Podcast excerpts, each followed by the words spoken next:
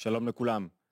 כשם שיש תנועות שהן מועילות בנפש, תנועות שאנחנו, תנועות נעלות שאנחנו רוצים לאמץ לתוך החיים שלנו והן מובילות אותנו קדימה להתפתחות, לצמיחה, יש תנועות מזיקות בנפש, תנועות שמורידות אותנו למטה, תנועות שפוגעות לנו ביכולת לצמוח, ואני לא מדבר על תנועות טבעיות, זאת אומרת, אני לא מדבר על מישהו שיש לו נטייה טבעית, נגיד, לחרדה או לעצבות או לדיכאון, אני מדבר על תנועות שאנחנו מאמצים לעצמנו בתוך חיי היומיום, ביחסים שלנו, במסגרת ההורית, ביחסים הזוגיים, במקום העבודה.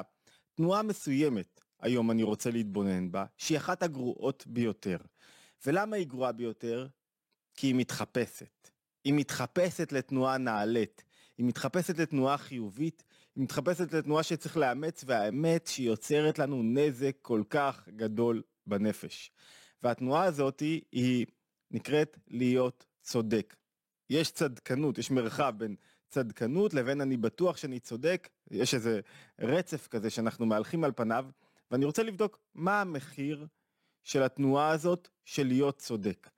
ואני רוצה לבדוק למה, מה המחיר של התנועה הנפשית של להיות צודק ולמה היא תנועה מזיקה בנפש, כדי להבין, להטמיע בתוכנו את עד כמה התנועה הזאת היא מזיקה. כדי להבין אותה, ככל שאתה יותר מטמיע עד כמה התנועה הזאת מזיקה בנפש, אנחנו יודעים בעצם להתמודד איתה. אני לא מוכר לעצמי לוקשים. אני מבין שאני חייב לטפל בתנועה הזאת ולא לתת לה עכשיו להשתלט לי על הנפש. ולכן חשוב מאוד להבין מה המחיר של ההיזק של להיות צודק. זה מאוד טבעי עבורנו להיות צודקים. טבעי לי להיות צודק, אני רוצה להיות צודק. זה דבר, צדק, צדק תרדוף. אבל, אבל קהלת אומר, אל תהיי צדיק הרבה. כשאנחנו יותר מדי צדיקים, כשהאמת היא נר לרגליי כל הזמן, אמת, אמת, אמת, היא שורפת הכל ולא מתירה מקום לשום דבר. אז בואו נבדוק מה המחירים של להיות צודק, כדי לשכנע אותנו לשחרר את הנקודה הזאת של צודק. כדי לשכנע אותנו לשחרר את הנקודה הזאת ולהסתכל אחרת על הדברים. לפני שאני מתחיל, אני מזכיר, אנחנו בתוך um, התבוננות יומית. אתם מוזמנים מאוד להירשם לערוץ הזה ולשתף וכמובן לתת לנו לייק לסרטונים כדי שנוכל להוציא עוד סרטונים לשתף בהם ולהעביר את הרעיונות, את המסרים, את הלימוד המשותף בתורת הנפש היהודית הלאה. אז אני מודה לכם מראש וכל עוקב ועוקב שמצטרף, יקר וחשוב בעינינו ו, אה, ותודה לכם מראש. מה המחיר של להיות צודק? אז כך, אחד, כשמישהו בטוח שהוא צודק, אין ספק שיש פה תנועה של התנשאות. שיש פה איזה תנועה של יהירות, התנשאות, למה? כי הוא בטוח שהוא היחיד שמבין, הוא תופס, רק הטיעונים שלו נכונים, והוא בטוח שרק הוא בעולם. הוא לא מצליח לראות את הטיעונים של מישהו אחר, הוא לא מצליח להיות קשוב. זה אומר עליו כשמישהו צודק כל כך, ואני מתהלך עם תחושה של אני צודק, איך הילד שלי לא עושה מה שאני אומר לו, אני צודק, איך אשתי לא רואה שאני צודק. כשאני כל כך צודק, מה זה גורם לי? לא לראות אותם, לא לראות הזווית ראייה שלהם. נקודה אחת. נקודה שנייה זה אומר עליי שאני חסר חמלה. חמלה זה נקודת התפארת, זה היכולת לראות אנשים מהמקום שלהם, מההתמודדות שלהם, מהקושי שלהם, לא מזווית הראייה שלי. לא אם תשים אותי באותה סיטואציה איך אני אתמודד. איך הם מתמודדים באותה סיטואציה, מה הם תנאי החיים שלהם, מה הם הקשיים שלהם. אני נעדר חמלה ואני שופט. כשאני צודק אני שופט את כולם, כי רק האמת שלי היא הנכונה ביותר, היא היחידה. וזה מפרק לי את הזוגיות, זה מפרק לי את ההורות, מפרק לי את מערכת היחסים. למה? כי כשמישהו כל כך צודק, קשה להיות לידו. קשה להקשיב לו, הוא לא נותן מרחב לטעויות. הוא לא נותן לאנשים אחרים להביע את דעתם. הוא לא, הוא לא מקבל שום זווית ראייה אחרת. ויש אנשים כאלה שהם מאוד דומיננטיים והם כל כך צודקים, ואי אפשר להיות לידם מרוב שהם צודקים. לא כיף להיות אדם כל כך צודק, להיות אדם כל כך צודק. שתיים, כשמישהו מצדיק את עצמו כל הזמן, זה אומר שהוא לא במקום הנכון. כי אם אתה במקום הנכון, אתה לא צריך להצדיק את עצמך.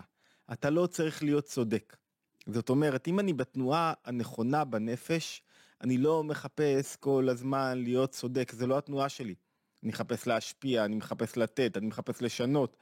אני לא מחפש להיות צודק. התנועה של להיות צודק אומרת שאני לא במקום הנכון שלי. מה אמרנו כאן בקריטריון הזה? שצדק, שאדם בטוח שהוא צודק ומתהלך במקום שהוא צודק, זאת אומרת, זה אינדיקציה עבורו שהוא לא במקום הנכון. ולמה? נוסיף עוד רובד. כי יש תנועה שאדם מסתובב איתה בעולם שהיא של חשבון נפש. שאני מוכן להיות לב נשבר. שאני מסתכל עליי באמת ואני אומר לרגעים, תשמע, לא היית פה בסדר. תשמע, תתחרט, תבקש סליחה, תשנה את הדרכים שלך, תתבונן. כשאני צודק, אין חשבון נפש במקום של צדק, אין תשובה, אין שינוי במקום של אני צודק. זהו, חסמתי הכל. מישהו כל כך צודק, הוא מצדיק את ההתנהגות שלו כל הזמן, וכשהוא כל הזמן מצדיק את ההתנהגות שלו, זאת אומרת שהוא כמו כאילו הוא חייב להוכיח את עצמו. שההתנהגות שלו היא לא טבעית, היא לא זורמת, היא לא אמיתית, היא לא מחברת אנשים אחרים, היא לא רואה אנשים אחרים כמו שאמרנו קודם. אז מה אמרנו עד עכשיו? כשאני צודק, אחד, אני אה, נעדר חמלה, שופט אחרים, בתנועה של התנשאות, לא מצליח לעשות בעצמי תנועה של חשבון נפש. למה? כי אני אטום מדי. אני מחפש להצדיק את עצמי, ואם אני כבר מצטער על משהו ואני אומר בואנה טעיתי, אז מה אני מחפש לעשות?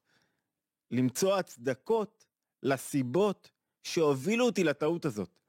אני לעולם לא אצליח לעשות חשבון נפש אמיתי, אני אומר, אה, אבל התנאים שלי, הקושי שלי, אני, אני לוקח כל מיני הצדקות כאלה ואחרות, הקלות, משתמש בהם, כדי להיות צודק ולהצדיק את המקום שלי.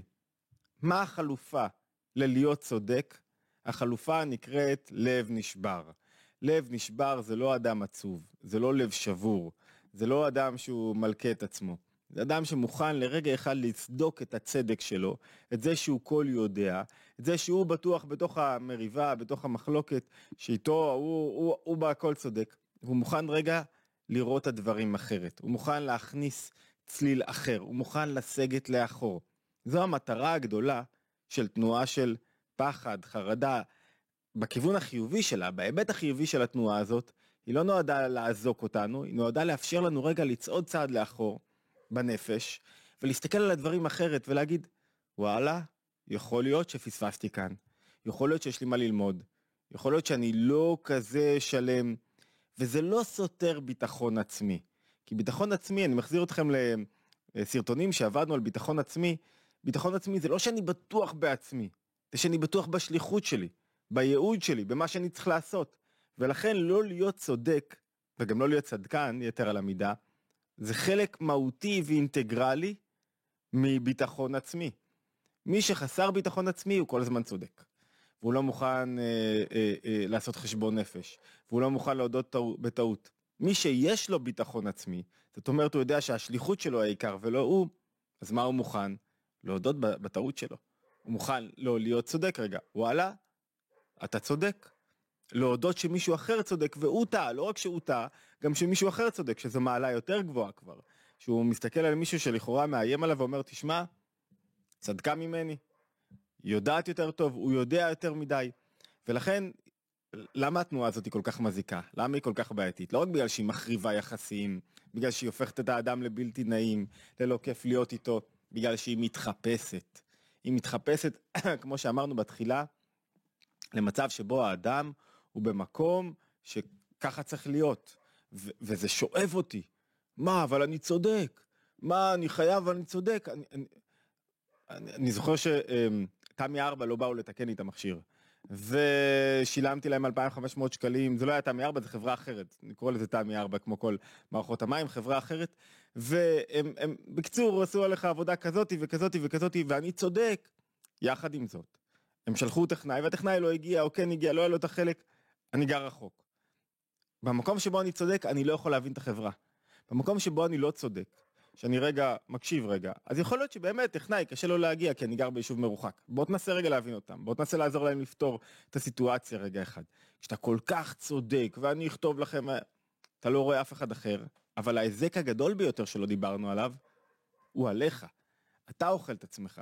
אני מתהלך בימים אלה משמעות ותוכן, איך החברת uh, מים הזאת עבדה עליי, ואיך הם לקחו לי את הכסף סתם, והרי אני שילמתי, מגיע לי, אני צודק, באמת אני צודק. נסה רגע להבין את הצד השני. תנסה רגע להבין רגע לפתור יחד איתם את הבעיה. תנסה לראות רגע את האתגר שלהם. זה קשה, כי אני, הצדק מכסה לי את היכולת לראות. אני קודם כל, כשאני מתגבר על המקום של אני צודק, ומנסה לפתור בעיות במקום להיות צודק, פתאום נהיה דיאלוג. פתאום מבינים אחד את השני. פתאום אפשר להתקדם מכאן. ואני פחות אוכל את עצמי. זאת אומרת, אחת התנועות הגרועות בנפש, להיות צודק. צריך להפסיק קצת, להיות צודקים, בטח בתוך מערכות היחסים הקרובות לנו. זו תנועה שמתפתחת, אם אני צדקן בבית שלי מול אשתי, אחרי זה צודק מול הילדים שלי, אני גם צודק בעבודה, ואני גם צודק בכל מקום אחר, ואני צודק, צודק, צודק. אני בעצמי, זה לא רק שאנשים לא יוכלו לחיות איתי, אני בעצמי לא יוכל לחיות עם עצמי. תודה אה, לכל מי שהיה איתנו עד עכשיו, התבוננות יומית, אני מזכיר להירשם לערוץ, לשתף, להשתמע בהתבוננות היומית הבאה.